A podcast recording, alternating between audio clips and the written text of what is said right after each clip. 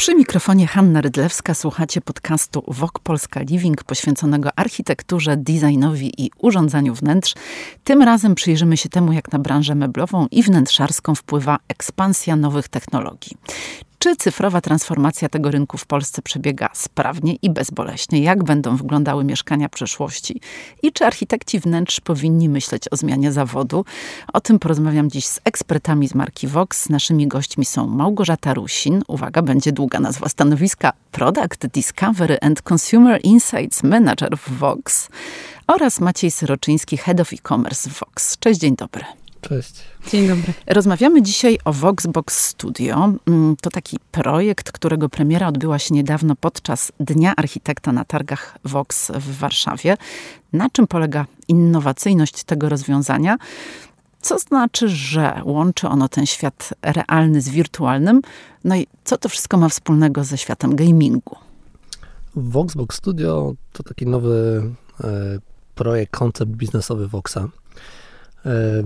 Pokrótce można powiedzieć, że to takie miejsce spotkań mm, klienta z nami, z marką, ale różniące się od takiego tradycyjnego salonu, gdzie można po prostu kupić nasze produkty. To miejsce, w którym mamy do dyspozycji bibliotekę materiałów. E, oczywiście jest ten doradca, stylista program do aranżacji wnętrz Voxbox, e, dostęp też do naszej strony internetowej, do sklepu e-commerce, e, gdzie możemy po prostu usiąść przy stole i porozmawiać o produktach, o potrzebach e, klienta.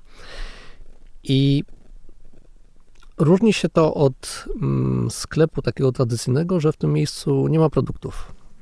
Są za to te próbki, to jest są ten próbki, um, tak, to jest tam biblioteka materiałów. Element realu. Tak, czyli można e, usiąść, podotykać naszych tkanin, naszych e, próbek, jakby płyt meblowych, e, czy też ścian i podłóg, ale jakby sposób pracy z klientem jest troszeczkę inny. My jakby odwracamy troszeczkę ten proces jakby do góry nogami. Zaczynamy tak naprawdę od pracy nie z konkretnymi produktami, lecz w ogóle z koncepcją e, dla danego klienta.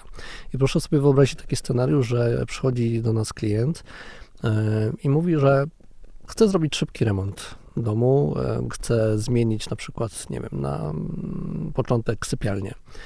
Zamiast chodzić w takim rzeczywistym sklepie od produktu do produktu, pokazać kolekcję, pokazywać kolekcję, pokazywać te produkty, ubieramy takiemu klientowi okulary wirtualnej rzeczywistości, uruchamiamy projekt, w którym jest kilkanaście różnych sypialni. E, I ten klient w świecie takim wirtualnym przychodzi od pomieszczenia do pomieszczenia, po prostu patrząc na różne sypialnie, na różne rozwiązania, które Vox ma do dyspozycji. Mm, no i tak naprawdę zwiedza przestrzeń, którą by normalnie robił w świecie rzeczywistym, tylko że w świecie rzeczywistym nigdy nie ma takiego salonu, gdzie będzie miał do dyspozycji 25 różnych pokojów samych sypialni. A w świecie wirtualnym jest to możliwe.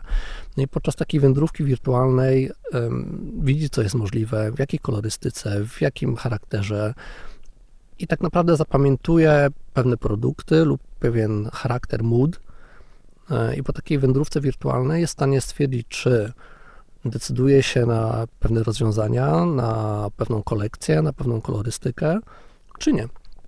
Jeżeli tak naprawdę zachwycił się pewnym rozwiązaniem, to w następnym kroku można przystąpić do realizacji tego projektu, właśnie aranżując przestrzeń w programie do aranżacji wnętrz Voxbox. A jaki element tego projektu został zaczerpnięty ze świata gier? Bo w rozmaitych recenzjach pojawiały się porównania do The Sims, do Minecrafta. E, no ja nie jestem akurat jakoś bardzo biegła w grach komputerowych, muszę przyznać, no ale na pewno mają wielu fanów, więc wyjaśnijmy, co, co wspólnego ma design z grami komputerowymi w sumie mm, od strony technicznej ma dużo wspólnego, e, gdyż e, nasz program narracyjny Voxbox jest oparty na silniku Unity. To jest jeden z dwóch głównych takich mm, silników używanych do gier aktualnie, do takich bardzo zaawansowanych gier.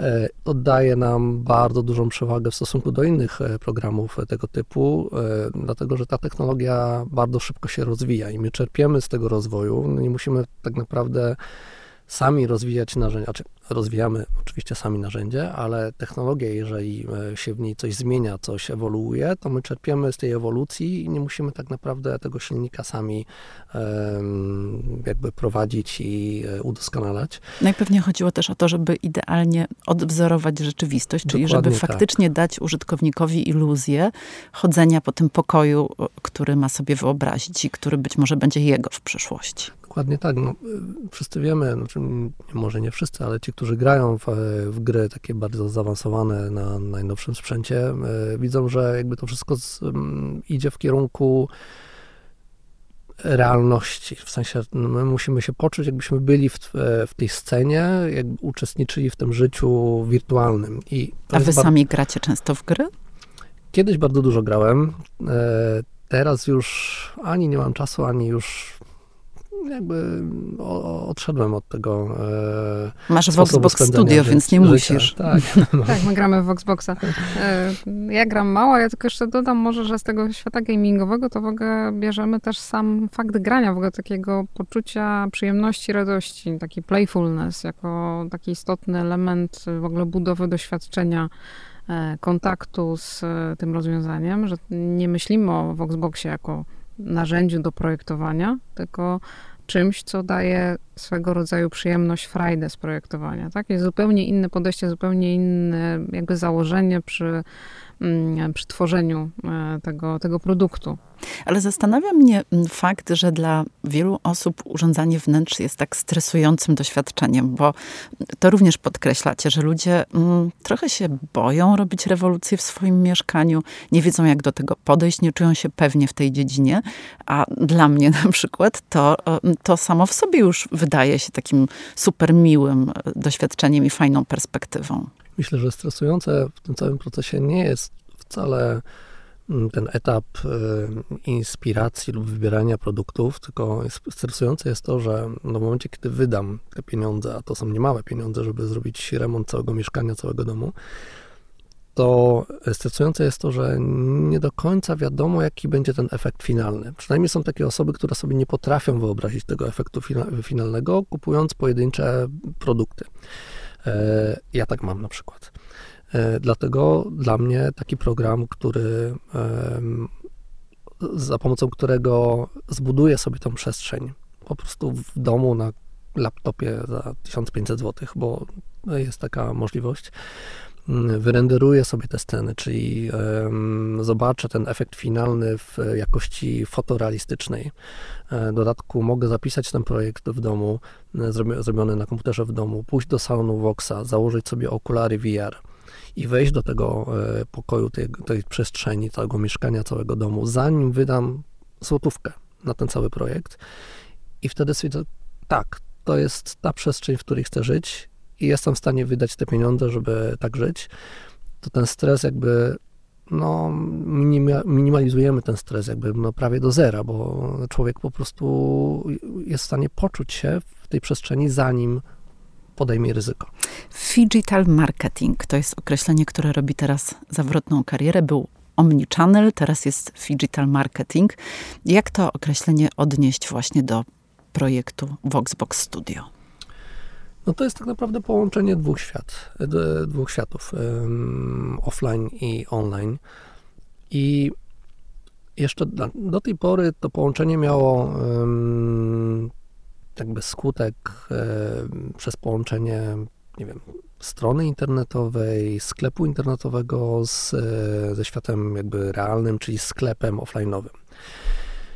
My poszliśmy o wiele dalej. E, to znaczy, myślimy o tym, że nie jest nam potrzebny tak naprawdę sklep, duży sklep wielopowierzchniowy do tego, żeby realizować cele klienta. Czyli klient może zacząć tą podróż u siebie w domu. E, oczywiście może mm, poznać naszą ofertę przez stronę internetową, przez sklep internetowy. Tam się dowie również, że jest coś takiego jak Voxbox, czyli ten program do aranżacji wnętrz, jest darmowy, że działa na zwykłym komputerze.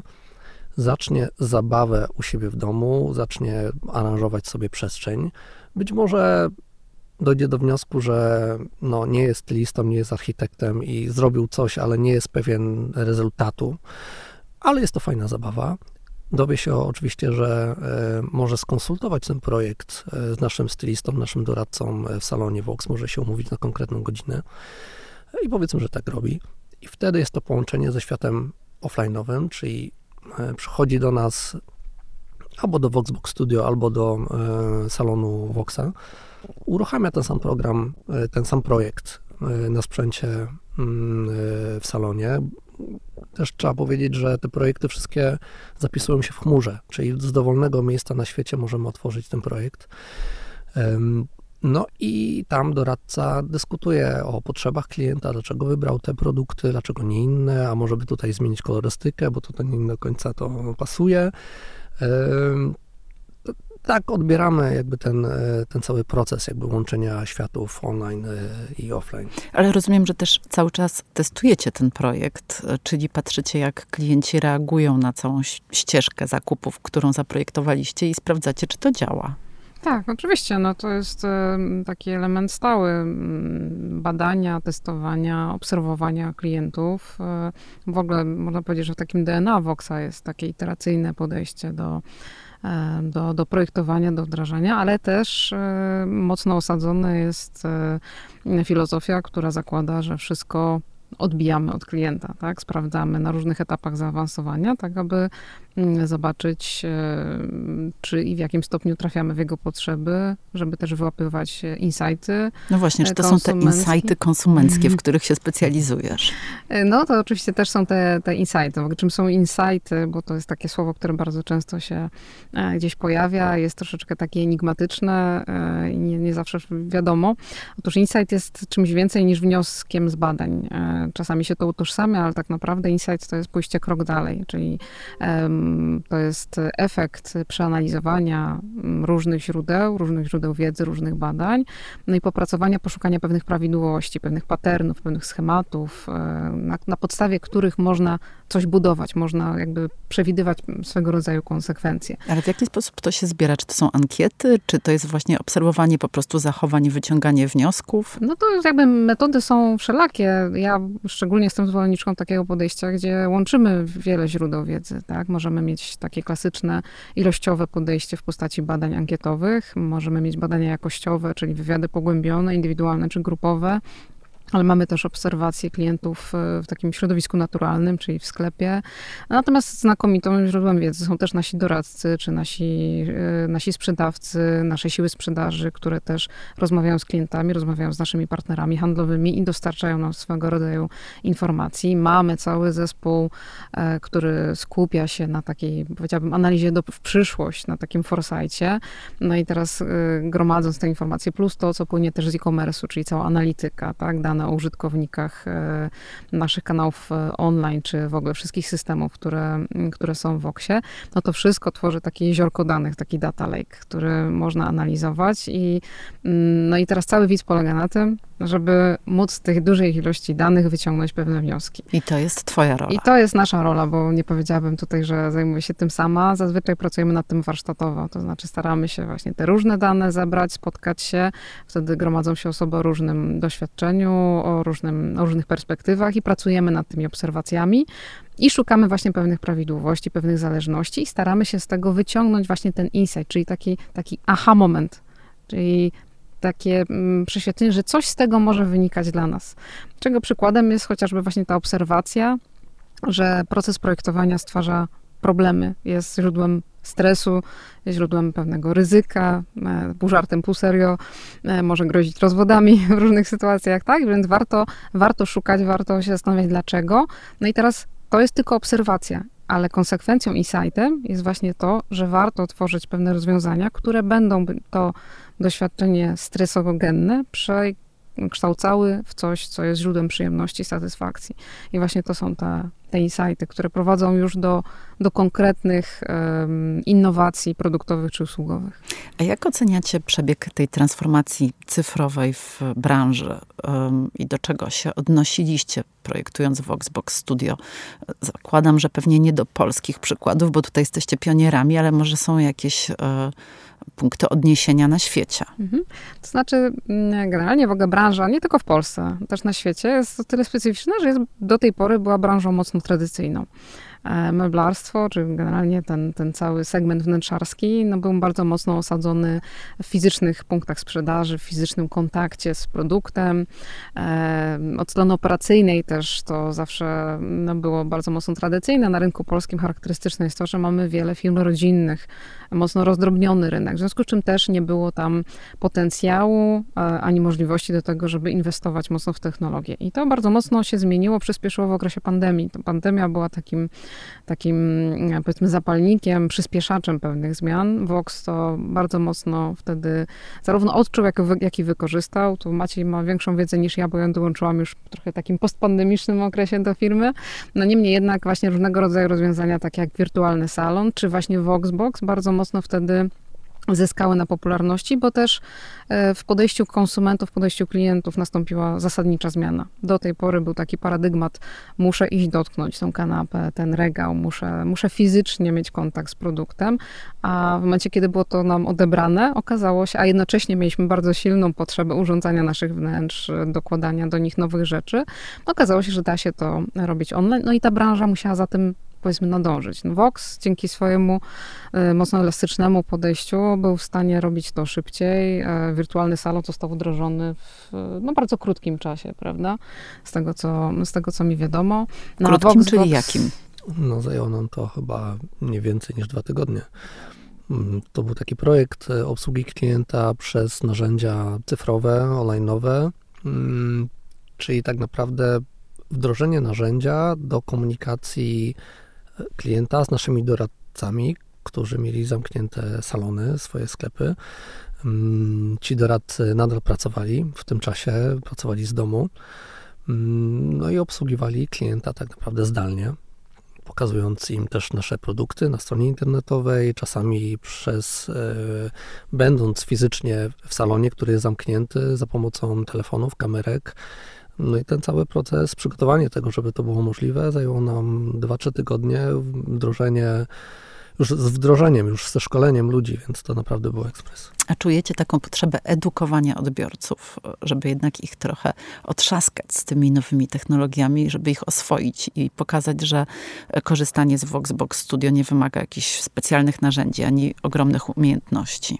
No my bardziej niż na edukację to stawiamy na takie zachęcanie, na, na szukanie takich e, triggerów do tego, aby um, kogoś skłonić do tego, aby skorzystał. Ponieważ e, no po pierwsze nie epatujemy technologią samą w sobie. Ta technologia jest zawsze dla nas bardziej mm, środkiem do celu niż celem samym sobie. W związku z czym, nie wiem, klientom nie opowiadamy właśnie o silnikach Unity, nie mówimy o tej zaawansowanej technologii, bo wiemy, że to może wywołać jeszcze większy opór. U niektórych będzie to wow, ale u wielu osób to będzie takie mm, budowanie jeszcze większego oporu, jeszcze większej bariery wejścia. Więc raczej szukamy takich metod, e, aby zachęcić użytkownika do tego, żeby wykonał ten pierwszy krok. A samo narzędzie zaprojektowane jest właśnie w tym duchu playfulness, żeby jak najszybciej uzyskać ten efekt wow tego zachwytu, żeby już na tych pierwszych etapach, tych nawet mało sekcji polegających na tym, że trzeba wnętrze zwymiarować, tak, i dodać pierwsze elementy w postaci, nie wiem, drzwi, e, e, okien, tak, czy położyć podłogę, to już wizualnie jest to tak atrakcyjne, że klienta wciągamy w kolejne kroki, czyli tak stopniowo, stopniowo, krok po kroku. No a do tego, żeby go zachęcić, no to stosujemy różnego rodzaju marketingowe mm, mechanizmy i narzędzia. Organizujemy konkursy, które cieszą się wielkim powodzeniem i przyciągają nowych użytkowników. E, działamy mm, właśnie, właśnie tak, aby, aby stworzyć to wrażenie właśnie zabawy, a nie tego, że to jest narzędzie, którego trzeba się nauczyć. Oczywiście e, ono ma już tyle funkcjonalności, bo zespół rozwija go nieustannie, więc tam już są bardzo zaawansowane rozwiązania, nawet dla profesjonalnych użytkowników. Nasze stylistki czy doradcy, którzy już od wielu lat pracują z narzędziem, potrafią tam stworzyć naprawdę zaawansowane projekty, czasem wręcz hakując system i tworząc wnętrza, które my byliśmy przekonani, że nie da się zaprojektować jeszcze w Voxboxie, a oni to już robią. Ale nawet taki, powiedziałabym, przeciętny użytkownik bardzo szybko odczuje satysfakcję z użycia tego produktu. No, a drugą metodą to jest właśnie Voxbox Studio, które jest tym właśnie digitalowym e, miejscem, e, w którym użytkownik może uzyskać wsparcie ze strony doradcy. W salonach zresztą też takie wsparcie może uzyskać. Może też uzyskać online, bo wdrożyliśmy jakiś czas temu mm, też takie rozwiązanie, które pozwala współprojektować z doradcą e, poprzez stronę internetową, czyli poprzez kontakt zdalny. No ale taki mm, takie rozwiązania jak Voxbox w postaci takiego pop-up store'u, który jakiś czas temu uruchomiliśmy w jednym z centrów handlowych, sprawia, że człowiek, który nawet w danym momencie może nie jest jeszcze na etapie takiej decyzji, nie szuka ale akurat wpadnie i zainteresuje się, no jest wciągany w tę zabawę, tak? Czyli raczej szukamy takich mechanizmów, które zachęcą, zaintrygują, sprawią, że ktoś zechce sam się nauczyć, też skorzystać z tego rozwiązania, niż prowadzić takie silne działania edukacyjne.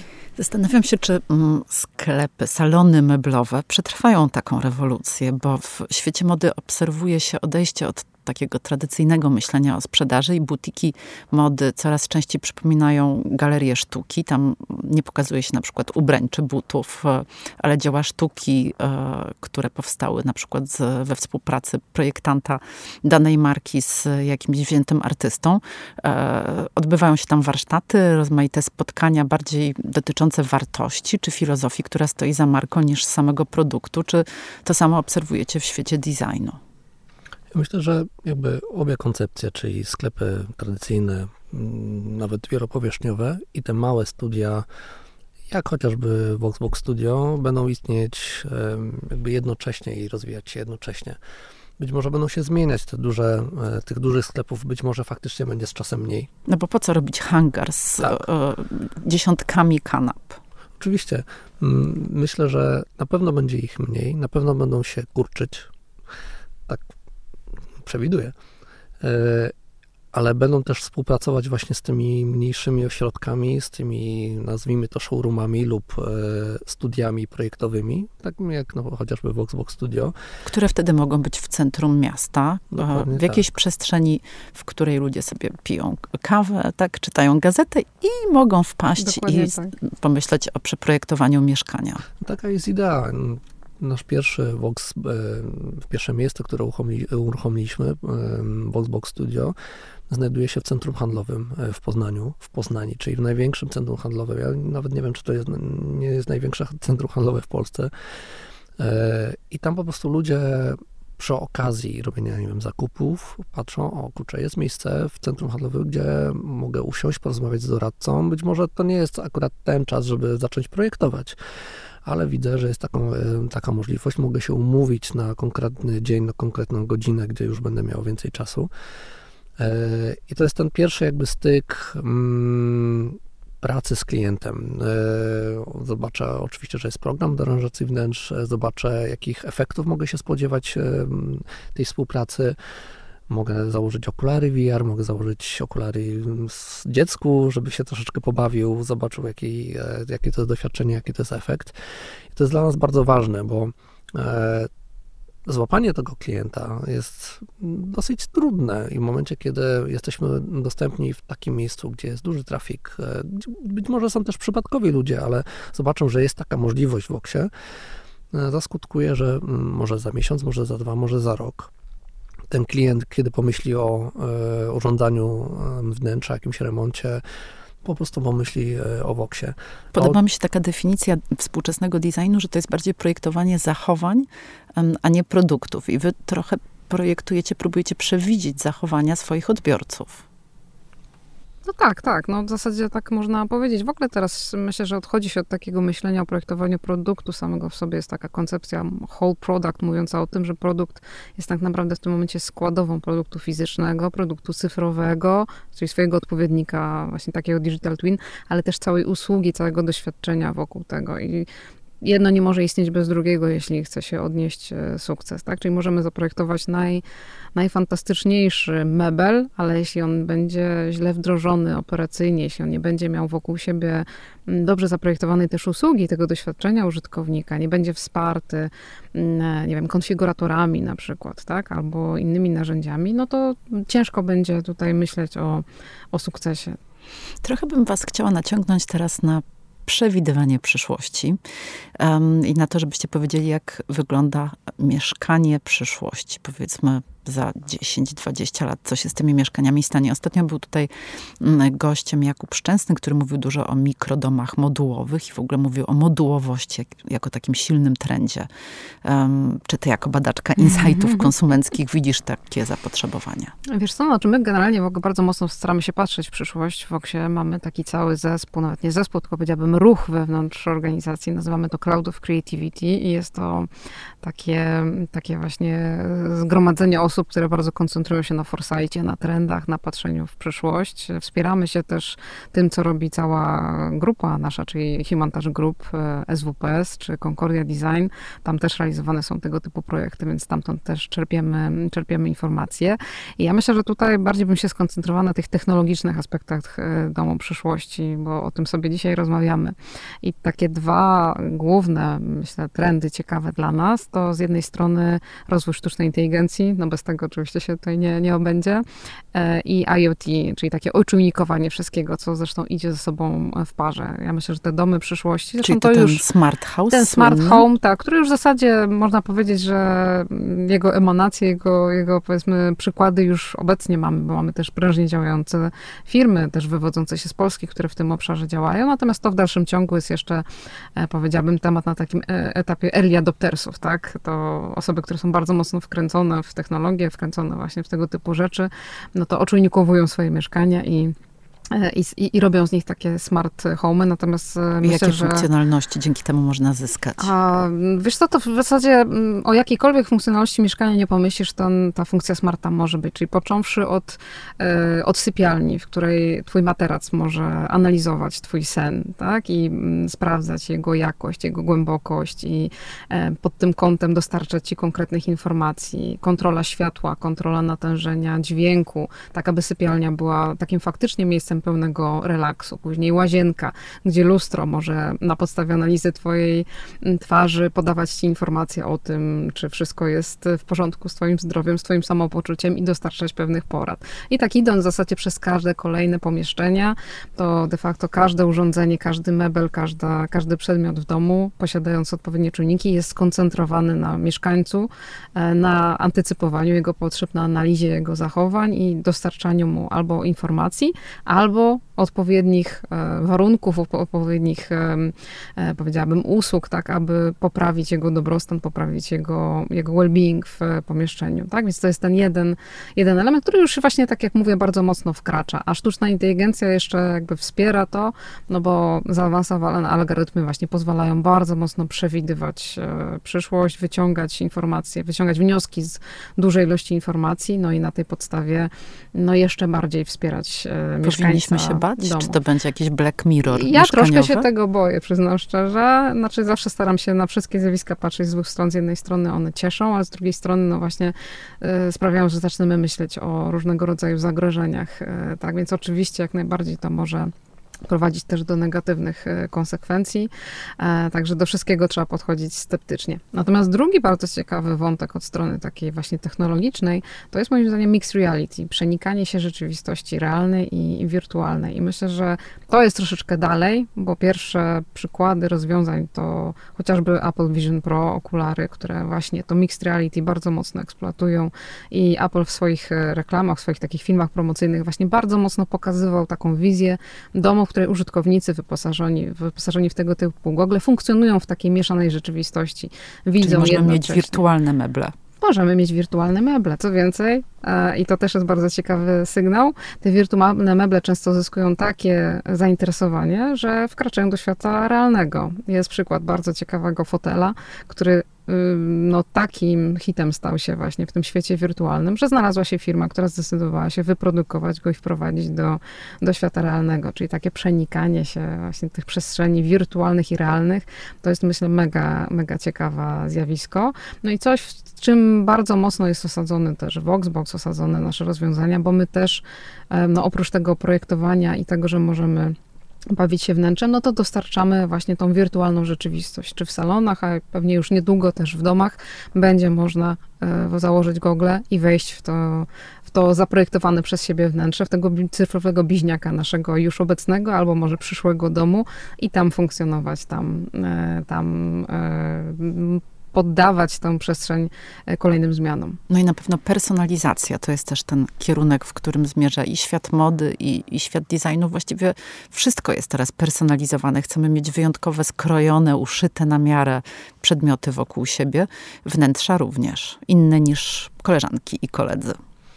Tak i moim zdaniem Vox faktycznie tutaj um, jest wyjątkową marką na tle innych polskich marek, gdyż nawet już nie będę, będę chyba strzelał, 10 lat temu wypuściliśmy pierwszą kolekcję, która była bardzo mocno personalizowana. Były to meble, nadal są w ogóle e, u nas w ofercie, mm, Young Users, czyli dla młodzieży. Personalizacja tam polegała na tym, że meble jako same w sobie zawsze były takie same. To mm, są takie podesty, które są zawsze czarne, a meble, które się stawiało na te podesty po prostu zawsze są białe ale na tych meblach można było, do tych mebli można było dodawać pewne nakładki. E, czyli tak, te meble miały taki kształt, e, kształt kubików i na, na, te kubiki, na, na fronty można było nakładać metalowe, no, nazywamy to po prostu nakładkami i personalizować ten, e, te meble właśnie w taki sposób, że raz mogły być to meble dla totalnie dziecka małego, kilkumiesięcznego nawet, e, z fajnymi obrazkami kolorowymi. E, po dwóch, trzech latach można było zmienić te nakładki na jakieś bardziej dziecięce, odpowiednie do wieku. Po następnych kilku latach można było z tych mebli zrobić meble dla młodzieży, czyli same korpusy, całe meble zostawały bazą, a te dodatki tworzyły po prostu no, teoretycznie nowy mebel, nowy, nowy look i też nowe funkcjonalności. Nastolatek mógł sobie wybrać e, na przykład nakładkę, która była koszem, czyli w sensie do grania w koszykówkę. E, były też nakładki, są nadal e, dart rzucania lotkami, warcaby z magnesami. E, zrobiliśmy też nakładki dla dorosłych, żeby wyjść z tych, e, żeby te meble mogły też służyć później e, takim młodym dorosłym. Bardzo Ten, zrównoważone rozwiązanie ekologiczne. Tak. I, I, to był projekt sprzed 10 lat, nadal się broni, nadal te meble są e, numerem jeden sprzedaży w Oksie, jeśli chodzi o meble młodzieżowe. Później wprowadziliśmy mm, kolekcję Simple, która to jest kolekcja dla dorosłych tam personalizacja polegała na tym, że można było w momencie, kiedy e, wybierało się produkt, czyli zamawiało się ten produkt, e, stworzyliśmy konfigurator na stronie internetowej, gdzie można było wybrać sobie kolor korpusu. Mógł być to być biały, dębowy, czarny, chyba były trzy kolory.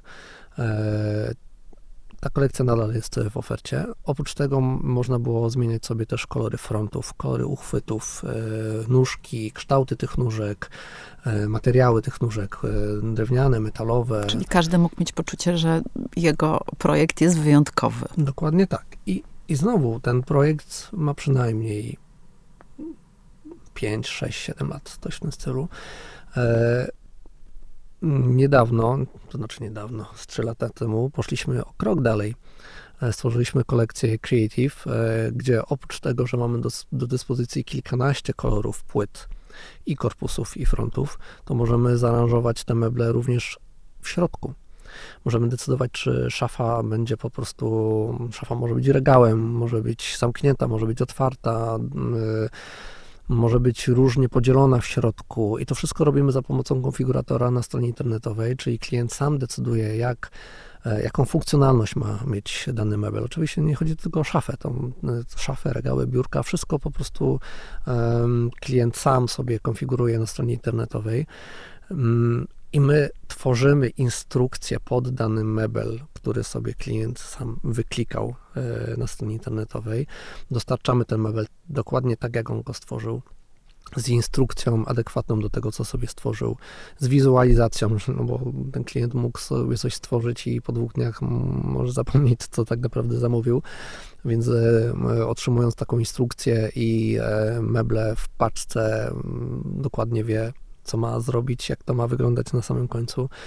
E, co więcej, w momencie, kiedy, tak jak powiedziałem, meble, meble Simple mają przynajmniej już 7-8 lat, klienci mają te meble 7-8 lat e, w domach, mogą wymienić sobie elementy tego mebla na nowsze, wprowadzamy nowe kolory, mogą sobie po prostu wymienić fronty. E, no moje dzieci nieraz zniszczyły mi meble w Może domu. Może przyozdobiły. No, pro, tak, no, wyścigi na przykład na rolkach, e, zderzenia tych rolek z, z meblami zdarzają się w każdym domu zapewne. W tym momencie klienci wchodzą na stronę internetową, wybierają sobie fronty, jakie chcą sobie zmienić, po prostu kupują same fronty, odświeżają mebel, mogą zmienić kolorystykę tego mebla. E, to wszystko jest możliwe e, no, dzięki tak naprawdę zmianie też podejścia do klientów, do produktów. Personalizacja jest dla nas bardzo ważnym, no, to już nie, nie jest trend, to jest taka naprawdę konieczność. To jest przyszłość. To jest teraźniejszość i na pewno też przyszłość w jakimś e, stopniu. Przy czym, tak jak wspomniałaś, no, do tego muszą zacząć dochodzić elementy związane z e, takim rozsądnym, zrównoważonym wykorzystaniem. I właśnie myślę, że Young Users jest takim dobrym przykładem personalizacji, ale nastawionym właśnie bardziej na to, że dzięki tej personalizacji takiej w takim, takiej formie reużywalnej czy też zmienialnej, no to mebel może dłużej funkcjonować w w danej przestrzeni, tak? E, że, że to nie jest, nie chodzi w personalizacji tylko o stworzenie czegoś właśnie szytego na miarę, takiego wyjątkowego, ale bardziej e, takie podejście, które sprawia, że daną bryłę możemy tak modyfikować, aby ona mogła żyć z nami, żyć z nami albo jakby służyć wielu użytkownikom. No to gdzie nasi słuchacze mają pójść, żeby wypróbować to Voxbox Studio, o którym dzisiaj mówimy? Zachęcam rozpocząć od strony internetowej, czyli vox.pl. E, na stronie internetowej znajdziemy też zakładkę Voxbox w głównym menu i już tak naprawdę nigdzie nie wychodząc, czyli w domu możemy się popali, pobawić w programem do aranżacji wnętrz. I to nie wymaga wielkich umiejętności, bo naprawdę e, ja sobie z tym poradziłam, bo tak jak powiedziałam, nie jestem mistrzynią gier. Tak. Jeżeli chcemy spróbować e, jakby pójść jakby krok dalej, czyli zobaczyć, jak wygląda ten świat e, stworzony u siebie w domu na komputerze, mm, zakładając okulary do rzecz, e, wirtualnej rzeczywistości. To już musimy się wybrać do realnego miejsca. Tak. E, zachęcamy wybrać się do no mamy aktualnie jeden, e, jedno takie studio, Voxbox Studio w Poznaniu, e, w Galerii Handlowej Poznania. Ale rozumiem, że to jest eksperymentalny projekt, który będzie się rozrastać i będą kolejne punkty w całej Polsce. Tak, ale tak naprawdę w większości naszych salonów mamy do, do dyspozycji um, jakoś to nazywamy? Myślę, że nie ma to jakiejś konkretnej nazwy. E, mamy po prostu stanowiska z programem Voxbox, gdzie doradca nam e, pomoże uruchomić ten projekt, który stworzyliśmy w domu, lub po prostu razem z nami stworzy nowy projekt wnętrza. W tych salonach również mamy okulary e, VR, czyli możemy spróbować wejść do tego pomieszczenia, które sobie stworzyliśmy i zapoznać się z naszą najnowszą technologią. Mamy w ogóle okulary, które miały premierę dwa miesiące temu, trzy miesiące temu Mm, są to najnowsze okulary do wirtualnej rzeczywistości, które dają tak dobrą jakość obrazu, że jak dodamy jeszcze kilka funkcjonalności, które zamierzamy dodać do e, naszej aplikacji VR-owej, to faktycznie będzie trudno z niej wyjść, bo będzie można otworzyć sobie szafę, zobaczyć do środka, można będzie nawet wejść do szafy, można sobie otworzyć drzwi, przejść z pokoju do pokoju, będzie można chwycić wazonik, rzucić nim o ścianę na przykład. E, I naprawdę... Tutaj widzę, że masz No. ambitne pomysły na to, co można robić w wirtualnej No to my musimy rzeczywistości. powstrzymywać nasz zespół deweloperski, który ma właśnie szalone pomysły i jest złożony z zapalonych graczy nomen omen, także oni bardzo mocno tutaj właśnie czerpią z tego świata gier i przynoszą różnego rodzaju pomysły właśnie na to, jak Voxbox może się w tym kierunku rozwijać. Małgorzata Rusin i Maciej Syroczyński byli Państwa i moimi gośćmi. Bardzo Wam dziękuję za wizytę. Dziękujemy. Dziękujemy A naszych słuchaczy i słuchaczki wysyłam do wirtualu. Słyszymy się w kolejnym odcinku podcastu Wok Polska Living.